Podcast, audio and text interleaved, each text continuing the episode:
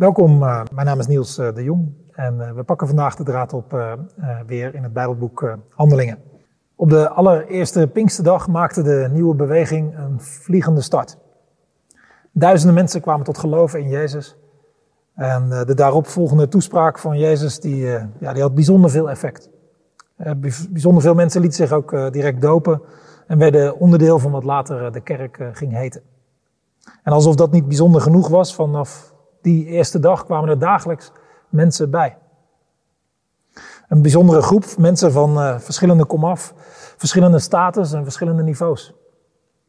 En ze maakten uh, bijvoorbeeld het woordje delen en het woordje vrijgevigheid bijzonder praktisch. En er gebeurden vaak bijzondere dingen, wonderen en tekenen. De geest, de Heilige Geest was bijzonder actief. Maar dat leidde ook al snel tot bijzonder veel tegenstand. En daarom, als je, als je veel vraagt van de Heilige Geest en ook krijgt, wees dan op twee dingen voorbereid. Die zomaar tegelijkertijd of kort na elkaar plaats kunnen vinden. Bijzondere zegeningen en bijzonder veel tegenstand. Dat patroon van voortgang en tegenwerking zie je het hele boek Handelingen door. En als je uitzoomt, zie je het de hele geschiedenis van de kerk door. Voortgang en tegenstand, doorbraken en crisis. Openheid en verzet. Bijzondere kansen en bijzondere obstakels. En zeker als er veel, bijzonder veel effect is, vrucht, openheid, geloof, dan kun je er bijna zeker van zijn dat er snel daarna ook bijzonder veel tegenstand zal komen. Verzet, spot, tegenwerking of zelfs haat. Dat patroon zie je vanaf het allereerste begin van de kerk eh, in Handelingen. En dat blijft gedurende het hele boek zo. In Handelingen 2 was het windkracht 10 in de rug voor die nieuwe beweging rondom Jezus Christus. Maar het zal niet lang duren, een paar hoofdstukken maar, voordat er al hevige tegenwind komt. En nog een paar hoofdstukken later, dan hebben de eerste christenen windkracht 10 tegen. Ze moeten hun huizen verlaten, ze slaan op de vlucht en moeten zich elders vestigen. Al is het dan zeker niet over met die groei van de nieuwe beweging. Integendeel, er komen steeds weer nieuwe mensen bij. Niet alleen in Jeruzalem, waar het begon, maar op steeds meer plekken. Maar ook weer op die nieuwe plekken, ook weer nieuwe tegenwind. En zo gaat dat maar door. Maar die eerste christenen geven niet op bij het eerste zuchtje tegenwind. Nee, dat, uh, dat is, zoveel is wel duidelijk in het boek. Zelfs hevige stormen, daar laten ze zich niet door uit het veld slaan. Zoveel wordt ook wel duidelijk uit het stukje wat we zo dadelijk zullen lezen uit Handelingen 4. En, en ik denk dat dit gedeelte ook bijzonder veel inspiratie voor ons kan geven. Om vandaag de dag met tegenwind om te gaan. In welke vorm die tegenwind ook komt. Of het uh, de vorm heeft van, van mensen die het gewoon helemaal niet zien zitten met, met jou en met je geloof. Of uh, dat het komt door, door conflicten ergens over. Of uh, dat het komt in de vorm van een crisis die, die alles anders maakt, zoals we, zoals we nu met z'n allen in een crisis zitten. Zeker het einde van Handelingen 4 geeft ons dan handvatten waar het op aankomt in zo'n crisis. Laten we het stuk lezen. Petrus en Johannes, twee leiders van de nieuwe beweging, die waren gevangen genomen. Ze hebben de nacht doorgebracht in een cel. De godsdienstige leiders van toen, Joodse leiders, hebben hen geprobeerd te intimideren. Uh, ze bedreigen hen, maar moeten hen dan toch vrijlaten. En dan lezen we wat er gebeurt als Johannes en Petrus zijn vrijgelaten en hoe de eerste christenen reageren op deze bedreigingen en tegenwerkingen. Handelingen 4 vanaf vers 23. Nadat Petrus en Johannes waren vrijgelaten, gingen ze naar de leerlingen en vertelden wat de hoge priesters en de oudsten hadden gezegd. Toen de leerlingen dat hoorden, riepen ze God eensgezind aan met de woorden: Heer, u bent, u hebt de hemel en de aarde en de zee geschapen en alles wat daar leeft. U hebt door de Heilige Geest bij monden van onze voorvader David, uw dienaar, gezegd: Waarom snoeven de volken en beramen de volkstammen zinloze plannen? De koningen van de aarde zijn aangetreden en de heersers spannen samen tegen de Heer en zijn gezalfde. Want inderdaad, in deze stad hebben allen samengespannen tegen Jezus, uw heilige dienaar, die door u is gezalfd.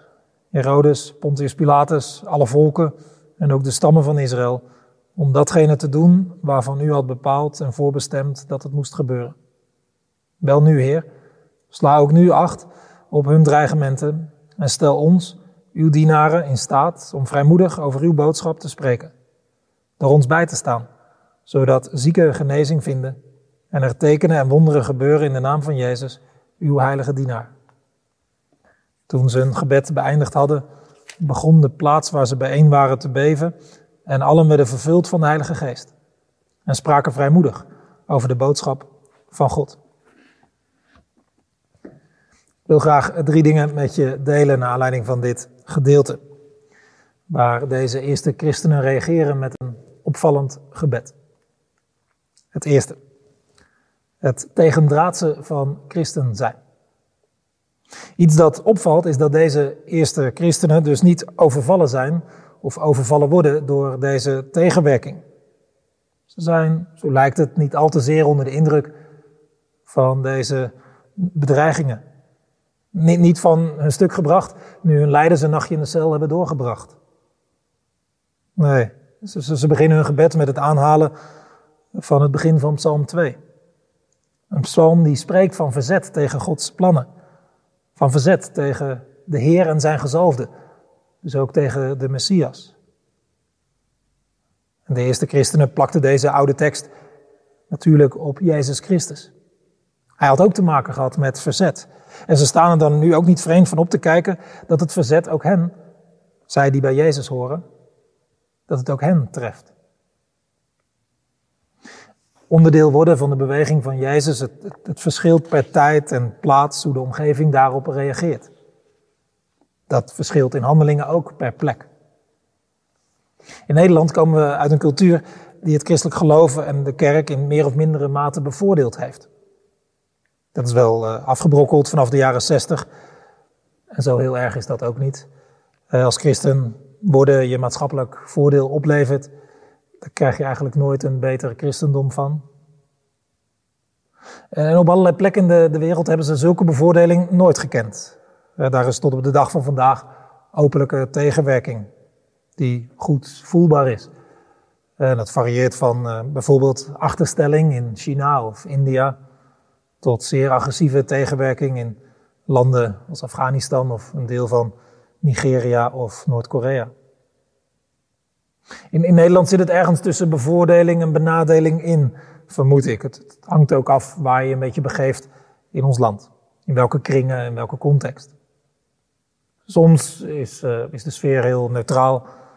Sta je niet gelijk op een voordeel, maar ook zeker niet op een nadeel. Je kunt uh, mensen tegenkomen die bijzonder welwillend zijn en heel open tegenover het christelijk geloof, ook omdat ze het niet eens zo goed kennen. Maar je kunt ook heel goed meemaken dat, dat men dat geloof van je heel gek vindt. Als een overblijfsel uit vroegere tijden waar we toch beter maar vanaf kunnen zijn. En dan ook dat, dat men dat dus ook scherp afwijst als je er wel iets in ziet. Omdat het men ziet als iets negatiefs. Stefan Sanders een Amsterdamse schrijver die de afgelopen jaren zich tot het christelijk geloof heeft gekeerd, heeft ooit iets gezegd als mijn coming out als homo 30 jaar geleden heeft me lang niet zoveel weerstand of afwijzing opgeleverd als mijn coming out als christen een paar jaar geleden.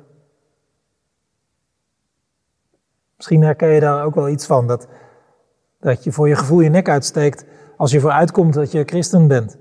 Dat, dat je voor je gevoel je dan moet verantwoorden richting vrienden of familie of collega's of studiegenoten. Dat mensen het maar niks vinden. Nou, misschien heb je daar helemaal geen last van, maar misschien ook wel. Of in ieder geval soms. En als je dat voelt, dat, dat, dat er eigenlijk niet zo'n prijs op wordt gesteld op, op dat geloof van jou, uh, dan sta je misschien zomaar vrij dichtbij die christenen die we hier in Handelingen 4 tegenkomen. Bij hen was het ook zijn dat, zo dat je door christen te zijn tegen de stroom inzwom. En dat lang niet iedereen daar enthousiast van werd. Dat je leven er zelfs moeilijker van werd. Dat je opeens allerlei dingen moest gaan uitleggen. Zeker niet alleen maar weerstand in die tijd. Hè. Integendeel, veel mensen sloten zich ook aan bij die nieuwe beweging. En aan het eind van Handelingen 2 staat er zelfs, en ze stonden in de gunst bij het hele volk. Iedereen is blijkbaar daar in het begin positief verrast door deze groep mensen die zeggen iets met Jezus te hebben. Maar, maar dat blijft dan niet zo. Tegenkrachten gaan zich roeren. En in hoofdstuk 4 is dan een eerste echte botsing met de godsdienstige Joodse leiders van toen. En dat zal zeker ook niet de laatste keer zijn dat het tot een botsing komt. He, wat Jezus overkwam, godsdienstige en politieke autoriteiten die hem bedreigen en hem uiteindelijk gevangen nemen en laten lijden en sterven. zijn volgelingen in handelingen hebben, hebben vaak genoeg last van eenzelfde soort dingen. En het is alsof Lucas in zijn boek Handelingen wil zeggen, als je te maken krijgt met spot, tegenstand, moeilijkheden, uit welke hoek ook, sta daar niet zo van te kijken. Zeker niet als je je inzet om dat goede nieuws van Jezus te delen met anderen. En hoe komt het dan dat het christelijk geloof dan blijkbaar zoiets tegendraads is? Nou, het gaat in de boodschap van het christelijk geloof over dingen als een nieuw begin, over verandering, over ommekeer, over andere normen en waarden, over geven, over delen, over een Heer die alles recht zet. Goed nieuws zou je kunnen zeggen. Zeker. Maar, maar, maar niet voor de mensen die baat hebben bij de status quo. Eh, niet, niet voor mensen die alles hetzelfde willen houden. Iets tegen draads, iets van tegen de stroom in. Iets dat soms tot ver in de marge wordt weggedrukt. Dus verbaas je maar niet als dat voor jou ook zo voelt. Dat je, dat je wel hoort bij een hele kleine minderheid die een beetje aan de kant gedrukt wordt. Maar weet dan ook dat die beweging van Jezus al, al eeuwen doorgaat en, en toch niet te stoppen is. Hoezeer, hoeveel pogingen daartoe ook toe gedaan zijn. Die beweging is niet neer te drukken. Die beweging is, is verspreid over de hele wereld. Die beweging is, is nog op tal van plekken uiterst vitaal, fris en krachtig. En het verandert tot op de dag van vandaag vele mensen. En het keert dingen ten goede op zoveel plekken. En vanuit de marge misschien vaak, ja, dat zal. Maar toch heeft het voor velen zoveel goeds betekend en doet dat nog steeds tot op de dag van vandaag. En vergeet nooit dat dan deze beweging de toekomst is. Want het is de beweging van de koning, de Heer, die eens alles in orde zal maken.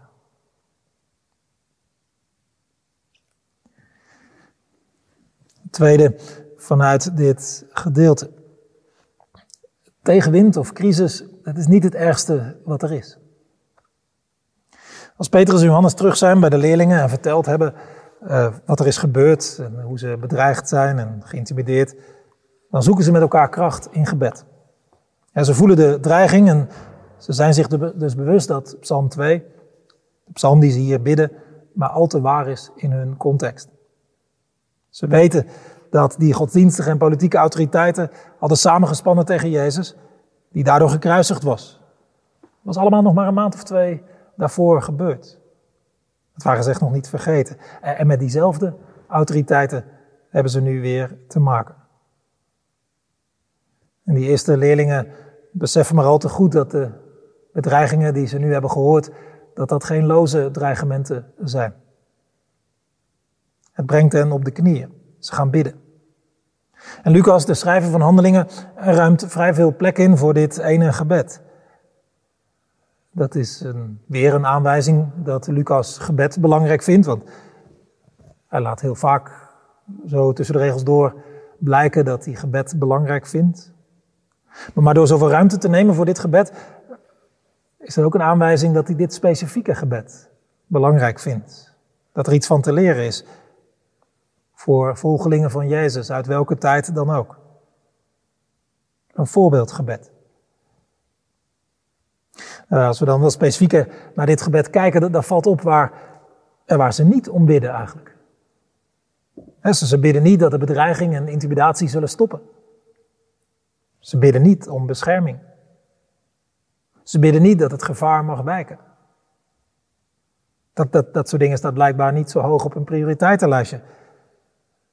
Nee, nee, ze bidden om andere dingen. Twee dingen. Als eerste dat God hen de moed wil geven om te blijven spreken. En dat God hen zal bijstaan, zodat zieken genezen worden en er tekenen en wonderen zullen gebeuren in de naam van Jezus.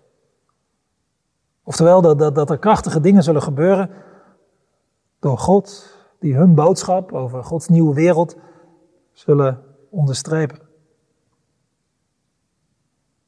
Er is iets wat ze erger vinden dan de bedreigingen, dan de tegenwerking, dan de nacht in de, in de cel. Namelijk dat die nieuwe beweging zal stilvallen door deze, deze crisis. Dat, dat willen ze niet. Dat, dat is het ergste wat ze zich kunnen bedenken.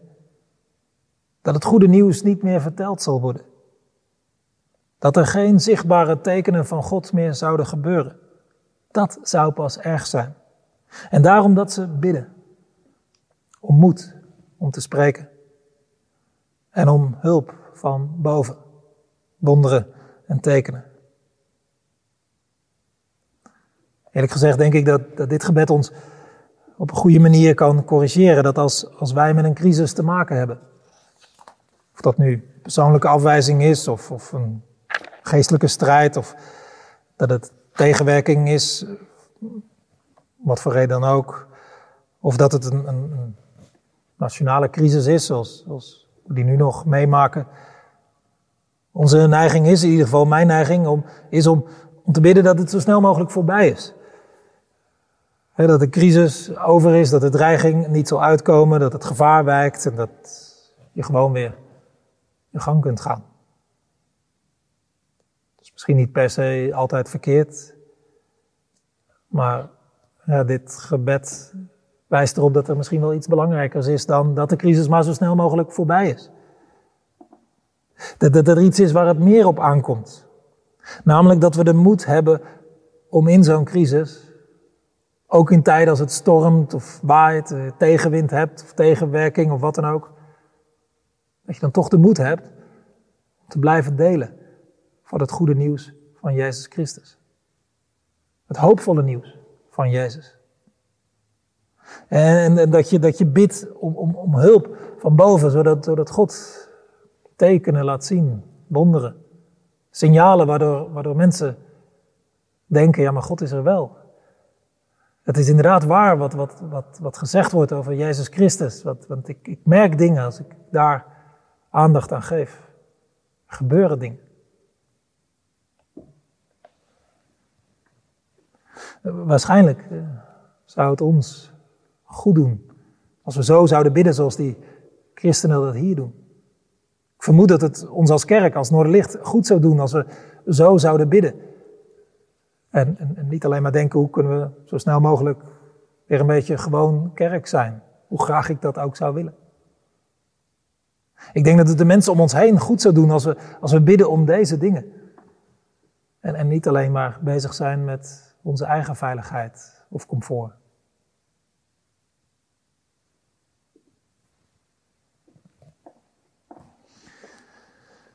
Het derde. Wat God wil geven in een crisis. Dit indrukwekkende gebed wordt verhoord. Heel snel. En hoe? De grond begint te beven, de, de, de leerlingen worden vervuld met de Heilige Geest, staat er. Ja, heel snel gaat het, de vervulling van dit gebed. Blijkbaar is, is dit iets, hè, als, als er zo gebeden wordt, ja, daar, daar kan God wel wat mee. Daar, daar wil hij direct iets mee. En dat laat hij merken ook. Die biddende mensen daar, die krijgen de geest, opnieuw. Ja, die, ja, die geest heb je altijd nodig, maar, maar, maar zeker ook als je in een crisis zit. Die heb je zeker nodig als het stormt. Als je het lastig hebt. Als het je moeilijk gemaakt wordt. En, en in hoofdstuk 5, eh, een hoofdstuk later is te lezen, dat die bijzondere tekenen en wonderen ook plaatsvinden. Het lijkt zelfs in toenemende mate. God verhoort dus ook dat gebed om, om hulp van boven. Om tekenen en wonderen die, die, die de boodschap kracht bijzetten. En ze krijgen ook nog die gevraagde vrijmoedigheid. Om de boodschap over God te delen. Drie dingen krijgen ze dus in deze crisis. Vervulling met de geest. Wonderen en tekenen die een boodschap kracht bijzetten. En nieuwe vrijmoedigheid. Dat laatste, dat, wil ik nog wat uitwerken. Vrijmoedigheid, dat is dus iets wat God ook in een crisis wil geven. Het is een kernwoord in dit hoofdstuk 4. Het woord valt drie keer in dit gedeelte. En, en als een woord vaker herhaald wordt in een, in een Bijbels verhaal, dan is dat bijna altijd een aanwijzing dat het om iets belangrijks gaat. Men kon namelijk niet iets dik gedrukt weergeven of onderstrepen of, of, uh, of uitroep, uitroeptekens zetten of wat wij ook maar doen om iets te benadrukken. Nee, herhaling, dat, dat was het allerbelangrijkste middel om iets extra te benadrukken. En dit woord valt dan drie keer in Handelingen 4. De eerste keer gaat het over Petrus, die deze vrijmoedigheid heeft tegenover die godsdienstige leiders die hem hadden gevangen laten nemen. Petrus, eh, ja, dat is wel opvallend. Dat was de man die twee maanden daarvoor bij het minste zuchtje tegenwind uh, verschrikt was uh, ineengedoken, als het ware. Bij, een simpele vraag van een dienstmeisje was hij in de ontkenning geschoten bij Jezus te horen. Hij, die kende die zelfs niet. En deze Petrus, die, die staat nu voor het hoogste rechtscollege van wat het Jodendom toen kende, het Sanhedrin, zich vrijuit te verdedigen. Gevolg van de Heilige Geest. Want de Geest geeft je moed, vrijmoedigheid. Nou, en om diezelfde vrijmoedigheid, daar, daar, daar bidden ze om, die, die, die eerste christenen in Handelingen 4. In vers 29 bidden ze erom en in vers 31 ontvangen ze dus ook allemaal die vrijmoedigheid om de boodschap van God te delen. Het woord vrijmoedigheid, dat, dat heeft Lucas niet uh, zelf bedacht, maar dat is ontstaan als een politieke term in Athene. Het duidt de vrijheid van spreken aan voor een burger in een volksvergadering. Het was een vrijheid waar men daar in Athene trots op was dat, je, dat je vrijheid kon spreken als burger en dat je niets hoefde achter te houden. Dat, dat alles ook gezegd kon worden. Dat was voor die Atheners heel belangrijk. En je zou kunnen zeggen, ook nu is dat een, een belangrijk goed, dat je kunt uitspreken. Bijvoorbeeld tegen onrecht. Tegen dingen die van geen kant kloppen. Want als je, als je dat soort dingen niet meer kan zeggen, ja, dan gaat er niks veranderen. En van alle kanten zien we nu nieuws uit de VS overwaaien, waar het onrecht dat al veel langer bestond, als nooit tevoren wordt benoemd en uitgesproken. En dat, dat is op zichzelf nog geen garantie dat de dingen ten goede zullen keren. Maar als de dingen niet vrijmoedig benoemd worden, dan, dan, dan gaat er nooit iets ten goede veranderen. En voor Lucas is deze vrijmoedigheid ook iets belangrijks voor christenen. Dat je spreekt over het goede nieuws, zonder iets achter te houden. Als dat goede nieuws namelijk niet meer verteld zou worden, uit angst bijvoorbeeld. Als mensen niet meer het hart hebben, niet meer de moed hebben om daar iets over te zeggen of om dat door te geven aan volgende generaties of aan mensen om hen heen. Ja, dan, dan, dan gaat het mis. Want dan valt het dus stil. Dan wordt het meest wezenlijke, het belangrijkste, wat er maar is, het meest hoopvolle, dat komt dan niet meer verder. En dan worden mensen het, het, het, hetgeen onthouden wat ze het meest nodig hebben. Het goede nieuws van Jezus Christus die is opgestaan uit de dood. Het nieuws dat alles ten goede keert. En die vrijmoedigheid, dat is, dat is niet iets dat je helemaal uit jezelf hebt te halen. Dat is ook juist iets wat God door zijn geest je wil geven. Betekent niet dat je dan geen angst meer zult hebben om je uit te spreken over je geloof, over de dingen van je geloof, of de dingen die, die goed zijn en waar zijn. Nee.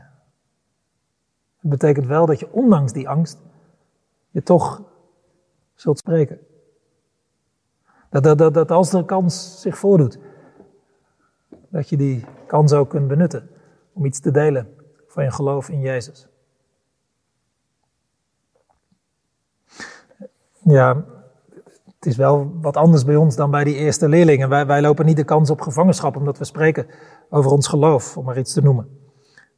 Maar toch staat er ook bij ons wat op het spel. Het verschilt misschien een beetje van je omgeving, maar, maar misschien staat je imago wel op het spel. Misschien wel je volgende stap in je carrière. Misschien wel een bepaalde vriendschap. Misschien wel wat mensen van je vinden. Misschien wel allerlei vooroordelen of onbegrip. Misschien lastige gesprekken die je moet voeren. En dus hebben wij ook die vrijmoedigheid nodig, al te hard nodig. Want anders doen we er het zwijgen toe. En dat zou zonde zijn. En dat Jezus Christus is opgestaan uit de dood. Dat, dat, dat Hij Heer is. Dat er daarmee vergeving is voor mensen, voor alles wat misging. Dat, dat er een nieuw begin mogelijk is, elke keer weer, ook in het heden. En dat er hoop is voor de toekomst. Dat, is nodig. Mensen daarvan horen, daarvan lezen, daar iets van zien. Dat ze daarvoor bij jou terecht kunnen.